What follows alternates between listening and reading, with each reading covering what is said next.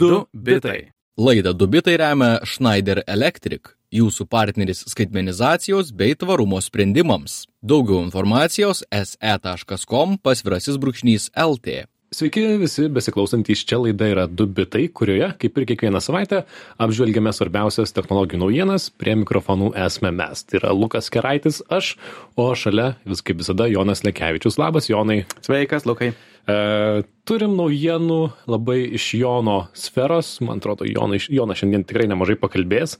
Antroje laidos dalyje pakalbėsim be abejo, galima nuspėti apie Apple. Turėjome jų renginį, pristatė naują iPhone. Programinė įranga tai antroje dalyje kažkiek to paliesime, bet pradėti norėsime nuo kai ko didesnio. Mes jūs įspėjome ir laukime tos naujienos. Reikia įkvėpti giliai. Ir ta naujiena be abejo yra tai, kad šiandien yra Jono Lekevičius gimtadienis, mano gero kolego. Labai stėtinga. Tas saldus 17 gimtadienis vieną kartą mm. metų gyvenime. Nieko Jonai, porą metų ir jau bus galima įeiti į kazino. E, Jonas šiek tiek iššaudo, reiškia, man pavyko, o iš tikrųjų, ta didžioji naujiena, apie kurią mes šiandien norim pakalbėti, jinai tikrai nelabai e, lengva tema, pasistengsime kuo geriau jums ją išpasakoti tai yra um, kai mes kalbame dar neįvykęs bet kai jūs klausote jau tikriausiai įvykęs ethereum merge'as tai arba susijungimas. Aha ir nuo ko čia pradėti? Man atrodo pradėkime nuo to kodėl mes vis karts nuo karto paimame kript kripto temas. Tai yra ne kriptovaliutų temas bet kripto technologijų temas. Ir kodėl norime pakalbėti apie ethereum? Man atrodo galime pradėti nuo to. Tai kripto. Kodėl mes jonai apie tai šnekam bendrai žinai yra tokios inovacijų frontai per kuriuos vystosi technologijos. Ir galima sakyt apie internetą jau išradome beveik viską ką galima išrasti.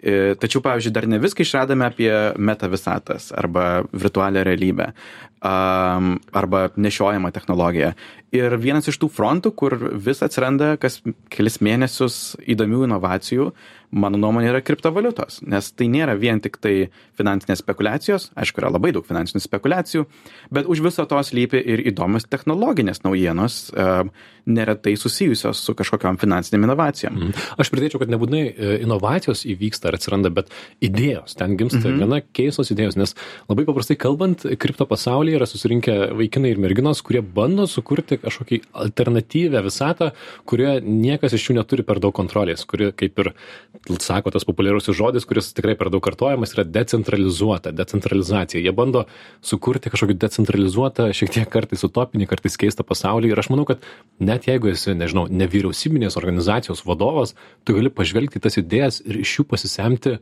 kaip galima valdyti savo organizaciją, mhm. kaip paskirstyti riziką, kaip hm. kam atiduoti valdymą ir panašius dalykus. Tai yra naujas būdas apgalvoti organizaciją, valdymą, ar ne?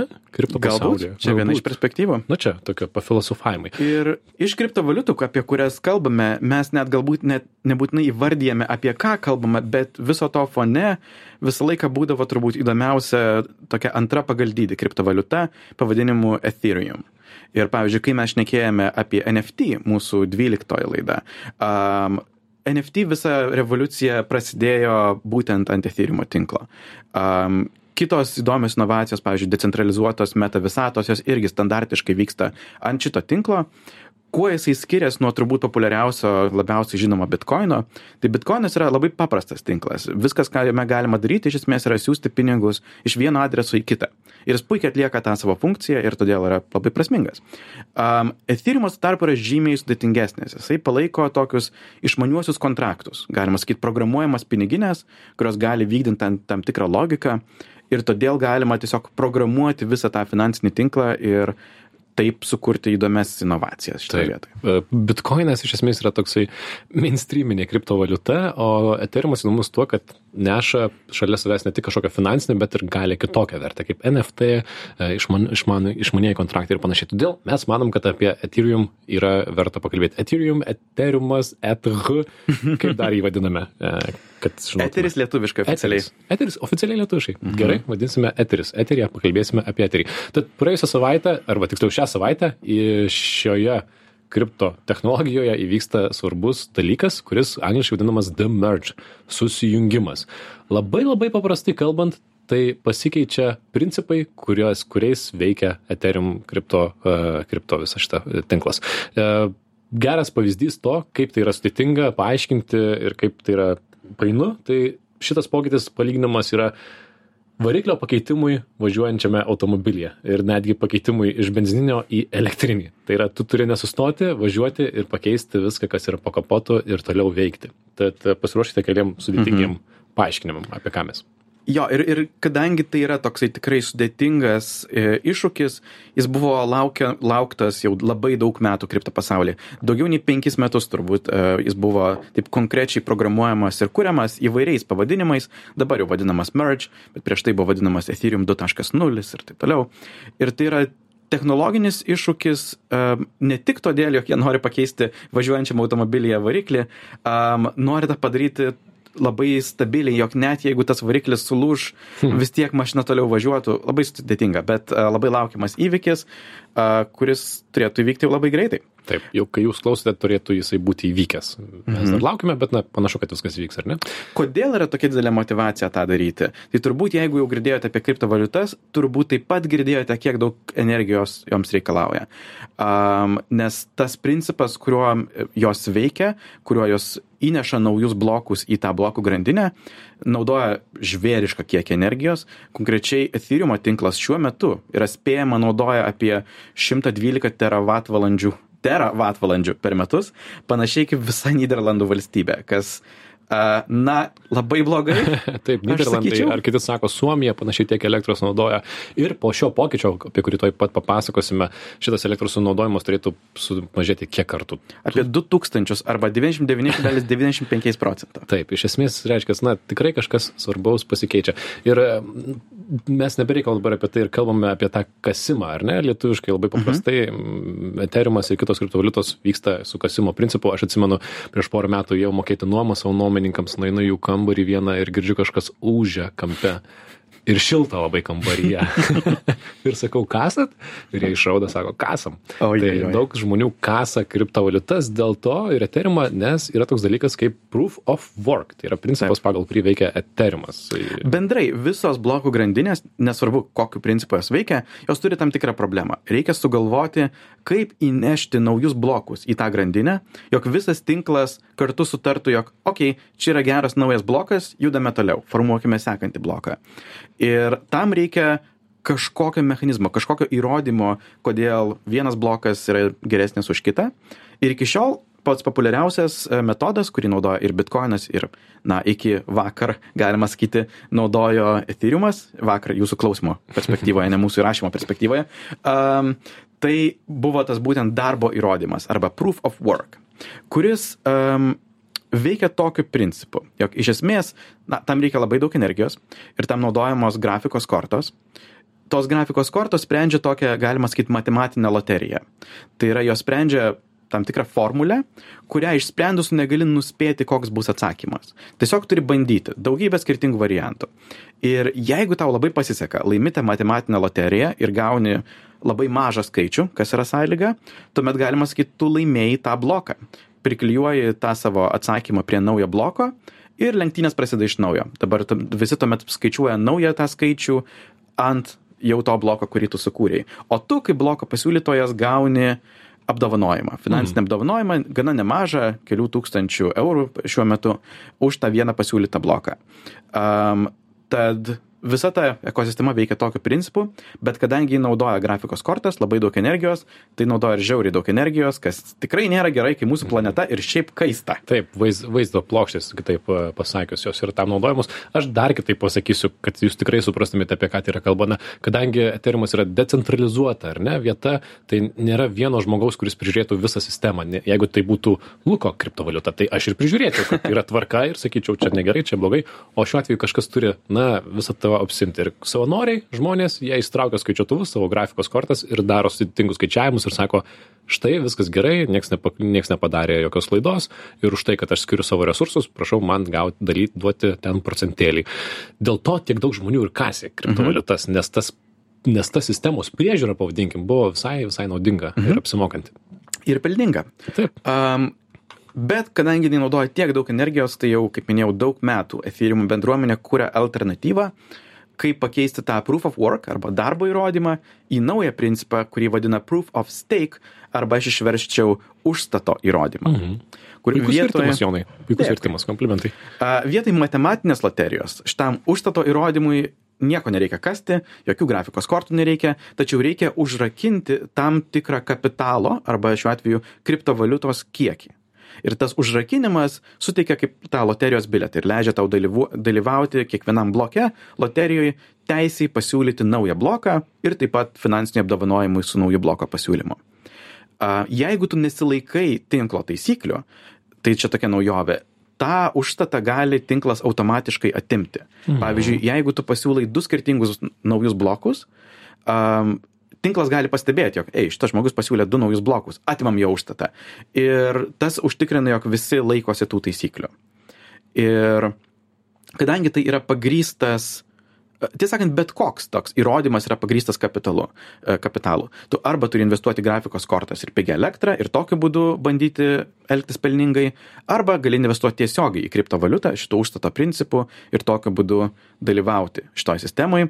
Su užstato įrodymu konkrečiai ethereum atveju šiuo metu jau yra užrakinta apie dvidešim trys milijardai eurų kas užsta pasako jog iš esmės jog jeigu tu nori kontroliuot tinklą tau reikia bent pusės tiek tai yra virš dešim milijardų eurų tai yra ganėtinai finansiškai saugu ir Taip, stabilu būtų sudėtinga perimti ar ne visą tą Mhm. valdymą tai iš esmės reiškia kad keičiasi tai kaip yra validuojamos operacijos anksčiau Mhm. jeigu tu turėdavai įsitraukti skaičiuotuvą ir tikrinti ir už tai gaudavai atlygį dabar tu statai ant stalo monetų ir sakai aš manau kad viskas čia gerai leiskit man peržiūrėti jeigu aš suklysiu ir pavyzdžiui jeigu aš mėginsiu iš vieno adresato vienu metu nusiųsti dviem adresatams tą patį Yep. e, eurą sakykime kas na sukčiavimas finansinis ar ne tai aš prarasiu pinigus. Reiškias neapsimoka sukčiauti. Va Taip. taip vat paprastai kalbant ar ne? Ir e, tai yra gana didelis dalykas. Taip. Natūralus klausimas kyla kodėl šitą pasikeitimą žmonės vadina susijungimu kažkodėl. Taip. susijungimas yra todėl jog šitas užstato įrodymo tinklas iš tiesų nebus aktyvuojamas šiąnakt. Jis aktyvuo jis buvo aktyvuotas jau prieš du metus. Jie tiesiog norėjo patikrinti jog visas tinklas veikia saugiai stabiliai nedaro jokių klaidų. Ir jisai taip fone du metus veikė validavo visą tinklą e, tačiau nesiūlė naujų blokų. Ir dabar visi yra įsitikinę jog blok jog tinklas veikia puikiai ir sujungia seną blokų grandinę kuri jau veikia septynis metus turi turbūt virš milijardo pavedimų su šita nauja grandine vadinama š- beacon chain arba švyturio grandine um, kuri jau turi tą naują algoritmą ir 23 milijardus kapitalą. Ir būtent šitas susijungimas tarp dviejų grandinių, vienos iš istorijų, kito iš algoritmo, yra vadinamas tas merge susijungimas. Ir taip automobilis a, bevažiuojant pakeičia savo variklį kuriuo yra varomas tai na Taip. čia aišku galima būtų eiti į daugybę kitų detalių kur jonas tikrai nusimano galėtų papasakoti bet viskas yra sudėtinga eina sau ten reikia žinoti daug matematikos daug programavimo žinių ir panašiai turėti Taip. A, aš įsivaizduoju na komerciniai bankai karts nuo karto tikriausiai panašias operacijas daro kai pakeičia kaip yra pervedami pinigai iš vieno serverio į kitą tikriausiai na mažiau tai įdomu galbūt. Taip, tik tai jie turbūt gali kontroliuoti visus tos serverius, kuriuos turi, tuo tarpu čia reikia padaryti, jog kažkaip tie šimtai tūkstančių žmonių, kurie jau dalyvauja šitoj sistemoje, visi, na, pasiatnaujintų tuo pat metu ir nebūtų jokių klaidų ir mašina nesustotų vidury greitkelio tam, jog pakeist variklį. Taip. E, Žinių radio ir visiems besiklausantiems mums, e, mūsų klausytėms primename, kad girdite laidą Dubitai, kalbame apie svarbiausias technologijų naujienas ir šios savaitės naujiena, apie kurią kalbame, yra e, Etherimo uh, The Merge įvykis, susi, susiliejimas, susijungimas. Apkalbėjome, kaip ir kas maždaug įvyko, kas nuo to pasikeis, be to, kad staupysime gausybę elektros energijos, kas yra, man atrodo, objektyviai visiems uh, džiugu išgirsti, tikrai, na, ką galima dėl to bambėti, labai smagu taupyti elektrą. Uh, kas dar pasikeis? Kas nuo to bus kitaip pasaulyje? Čia, sakyčiau, mes jau nerime truputį į tokius gilesnius klausimus, į ką galbūt kiti, kitos žiniasklaidos neretai nepaliečia, bet mūsų klausytojai protingi, tad mes galime gi, gi, nerti taip. žymiai giliau. Vienas iš įdomių su šitų algoritmo pasikeitimo, uh, pasikeitimu susijusių galimybių yra, jog kadangi, taip sakant, užduotis duodama tik, tikrintojams nebėra vien tik tai skaičiuoti matematinės formulės, bet jie turi užstatę savo kapitalą, galima duoti papildomus darbus ir tikrinti, ar daro tuos papildomus darbus. Pavyzdžiui, reikalauti, jog jie išlaikytų tam tikrus duomenis tam tikrą laiką ir saugotų juos. Arba jog dalintųsi savo turimą informaciją su kitais tinklo dalyviais ir jeigu nesidalina, juos taip pat bausti. Ir kadangi yra užstatytas kapitalas ir tinklas gali sutarti, ar žmogus laikosi taisyklių ar nesilaiko, tai tad galima iš tiesų užtikrinti, jog visi laikosi taisyklių, nes visiems yra ekonomiška laikytis tų taisyklių. Ir tas bus labai svarbu kituose ateities atnaujinimuose, kurie plės tinklo pralaidumą, galę ir taip toliau. Kitas su tuo susijęs pakeitimas um, yra, jog bendrai šitas um, užstato įrodymas, jis yra žymiai pigesnis. Tau nebereikia mokėti krūvos elektros sąskaitų didžiulių, um, kasti su grafikos kortomis, gali turėti mažą kompiuteriuką, kuris veikia ten 5 vatų ir, ir atlieka visą tą darbą, kas reiškia, kad tinklas turi mažiau kompensuoti tau už, už tavo, tavo atliktą darbą ir tinklas smarkiai sumažina emisijas. Jeigu dabar už kiekvieną bloką jie moka 2 etherius arba 3, virš 3000 eurų, tai nuo rytojaus galima sakyti, nuo šito atnaujinimo emisija sumažėja 8 kartus iki 400 eurų už vieną pasiūlytą bloką. Tai yra atlygis, kurį gauna Taip. validuotojai. Ir e, iš to, ką pasakyti, dar išplaukia, e, taip pat lietuviškai nesakoma, bet pasakiau, e, kad tikėtina atpiks vaizdo plokštės, kurios naudojamos kompiuteriuose. Labai gerai, nes jas visas susirinkdavo šitie kasėjai Na, tai bus paprasčiau žaisti žaidimus. Taip, tai vienas dar yra malonumas. Ir be abejo, iš to, ką Jonas pasakė, nežinau, ar išgirdote, bet ateityje tai palengvina na, įvairius kitus daryti papildymus su Ethereum tinklu. Jau dabar turime NFT, ar ne, vieną panaudojimo būdą įdomų, kuriame veikia Ethereum. Uh, minėti iš, išmanus konta, kontraktai, bet mhm. uh, įdomu, ką pasiūlys ateitis. Tai, na, sakykime, Ethereum susikūrė savo progą, galimybę toliau save tobulinti gerokai stipriau. Ir man atrodo, kad, na, įdomiau negu bitkoinas, Taip. kuris, kuris sakykime, stagnuoja. Sen, ten, Bendrai šitie atnaujinimais ir su tais papildomais darbais, kuriuos tu gali duoti tikrintojams, yra pagrindė dėl dviejų krypčių. Vienas yra tinklo pralaidumų ir galios didinimui, jog būtų galima daugiau pavedimų daryti ir todėl jie būtų pigesni. Ir kitas būtų didesnė decentralizacija. Tai yra, jog būtų dar paprasčiau būti tinklo dalyviu, tikrinti visą informaciją ir taip toliau. Mhm. Įdomus toksai faktas ir, na, šiek tiek kritiką galima pavadinti, kad tie, tie žmonės, kurie norės dalyvauti validavime, angliškai vadiname steikinėme, e, jiems reikia turėti teoriškai bent 32 eterius, bet, kaip suprantu, kaip ir anksčiau bus galima rinktis į lietuviškai išvertus baseinus, tuos vadinamusius mhm. pūlus, kur visi galės dalyvauti tame, ar ne? Tad iš esmės įvyksta decentralizacija. Taip, 32 eterių arba apie 50 tūkstančių eurų reikia, jeigu nori kurti blokus vienas, nuo nieko nepriklausomai, bet jeigu nori kurti blokus kartu su kitais, tai užtenka, galima sakyti, 0,1 eterio arba 150 eurų, tarkim, dalyvauti iš to. Ir klausimas, kuris Jonui nepatiks, bet aš jį noriu užduoti, tai jeigu jau eteriumo tinklas yra toks decentralizuotas niekas jo iš esmės nevaldo tai kas daro tuos pokyčius ar ne kas paima ir nusprendžia kad štai mes dabar buvo toksai variklis elekt benzininis dabar padarysim elektrinį juk tam reikia susitarimo tai kas valdo eteriumą galėtų būti oh. labai sensacinga geltonosios spaudos antraštė. Čia yra toks sudėtingas klausimas, nes kaip daugmaž apie šitą dalyką masto vienas iš tyrimo sukūrėjų, Vitalik Buterin, jis yra pasakęs, jog visas procesas turėtų veikti kaip turgus, o ne katedros statymas. Tai yra, kur vyktų chaosas, toksai pusiau kontroliuojamas chaosas, um, bet jeigu net trečdalis turgaus prekeivių dinksta, turgus nedingsta. Bet jeigu kadros architektas dinksta, staiga visas planas gali subirėti. Tad visas etyrimas veikia kaip toks didelis technologinis turgus. Daug atskirų komandų, kurios dauguma šitą pačią pusę juda, lyg ir dauguma sutarė, ką daryti, bet bendrai procesai užtrunka ilgai gana sudėtingai, bet tai yra tokia, galima sakyti, decentralizacijos kaina. Tai yra išgyventi chaose.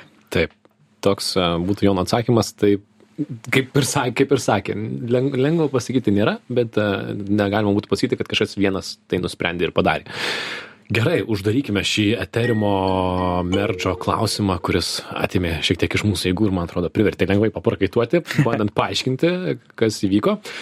Kita naujiena, kurią šią savaitę būtina apkalbėti, kad ir trumpai, kad ir paviršimi, tai yra įvyko Apple tradicinis rudeninis e, renginys, kurio metu jie pristato viską, ką turi naujo. Ką čia verta paminėti iš tų naujienų? Jie pristatė tris tokias naujas grupės e, produktų - naujus telefonus iPhone'us, naujus Apple Watch ir naujus AirPodus. E, Gal pradedant nuo Apple Watch, nėra, e, baziniam modelį nėra didelių atnaujinimų, pridėjo temperatūros sensorių, kuris beje nerodo konkrečios temperatūros. Jis yra naudojamas moterų sekti ovulacijos ciklus, kas yra puiku. Um, įdomiau turbūt yra naujas prisijęs modelis Apple Watch Ultra, ekstremalaus sporto mėgėjams, nardymui 40 metrų, uh, laipimų po kalnus, tiesioginė konkurencija su Garmin ir toksai didelis, uh, stiprus Watch'as. jeigu bėgiojate palei nerį, tai neprireiks tikriausiai. Bet jeigu, jeigu planuojate į Himalajus, tai galite, galite panaudoti. Uh, man patiko AirPods nauja funkcija, dėl kurių bus sunkiau pamesti. Man net reikėtų tai išbandyti, nes aš esu žmogus, kuris esu pametęs, man atrodo, penkerias skirtingas uh, į ausis įstatomas Bluetooth ausines. Aš net pradedu pirkti tą patį modelį, kad jeigu pameščiau vieną, galbūt antra atliks. Tai nuo šiol bus sunkiau pamesti uh, AirPods tuos įkišamus į ausis uh, Apple uh, klau- klausimo aparatėlius, nes uh, su Find My funkcija bus galima surasti bent jau jų dėklą, kuris skleis garsą to paprašius. Kas labai smagu pamirštiem, pa, pa, pa, užmirštiem žmonėm kaip aš tokiam. Ir gal net Užmiršau. e, tau bus naudingiau tai, jog jie turi skilutes prisidėti tam pakabukui, žinai, gal neužsidėti. Čia toks tėčio, tėčio, tėčio nuotaikos tokios, tėčio Jo. stilius, bet man visai tiktų. Jo, Puiku. Turbūt renginio esmė ir visų dėmesio centras buvo nauji iPhone'ai. Tai mini dydžio nebėra, dėja jis palaidotas, vietojo atsirado naujas didesnis modelis. Iš naujų funkcijų. Įdomu yra automobilio dva, avarijų atpažinimas. Mhm. Jie pridėjo keletą naujų sensorių, G jėgų ir barometrą atpažinti, pavyzdžiui, kai a, pagalvė išsiskleidžia ir oro a, tankis pasikeičia. A, ir automatiškai skambina pagalbai, jeigu nustato, jog įvyko automobilio avarija. Jeigu telefonas mano, kad patekote į avariją, jis sakys, ar viskas gerai, nes jeigu nepatvirtinsit, kad viskas gerai, aš skambinu pagalbai. Taip pat iš tos pačios temos jie pridėjo satelitinę komunikaciją, kol kas tik Amerikoje ir Kanadoje, bet jeigu esi ne ryšio zonai, kažkur vidury dykumos, gali iškelti telefoną į dangų ir jisai suranda satelitą ir gali išsiųsti pagalbos žinutę su tavo koordinatėmis, gal kas nors pasieks tave. Geras. Um, Verta paminėti, čia 14 jau iPhone'as, ar ne? Oh, yes. Pasirodė, aš jau nebeatsimenu, ten 23, kem 5 ar 9, bet 14. Tad uh, jau mačiau grupėse Facebook'e gerbėjai jau diskutuoja, pirks, Jo. nepirks, pirks, nepirks. Ir be abejo, uh, programinė įranga, ar ne? Taip, uh, išėjo 16 iOS pirmadienį ir mes apie jį daugiau šnekėjome 41 laidoje. Um, jo pagrindinis turbūt atnaujinimas yra su ekrano užraktu susiję atnaujinimai. Um, kas beje labai matosi ir naujose iPhone'uose Pro modeliuose, nes jie dabar turi tokį visą laiką veikiantį ekraną, tai yra tas užrakintas ekranas matosi net kai telefonas miega, rodo tavo fono nuotrauką ir taip toliau. Um, tai susiję tokie atnaujinimai. Kelios iš tokių įdomiausių funkcijų jų reikės palaukti dar keletą mėnesių, nes jos neišėjo iš karto. Tai yra bendras šeimos nuotraukų alb- albumas, kur galima turėti ir dalintis nuotraukomis paprasčiau.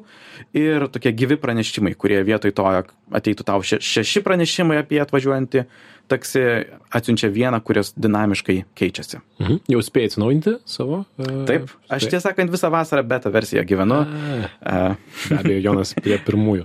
E, Prie telefono iPhone pamiršom pamin- paminėti, kad kameros rezoliucija pirmą kartą padidinta po, po ilgo laiko, ar ne? E, Ir procesoriai jau šiek tiek ki- kitokie. Ir dar, aha, Jonai. Jo, aš pridėčiau, man vienas tokių įdomiausių pakeitimų buvo elektroninės SIM kortelės.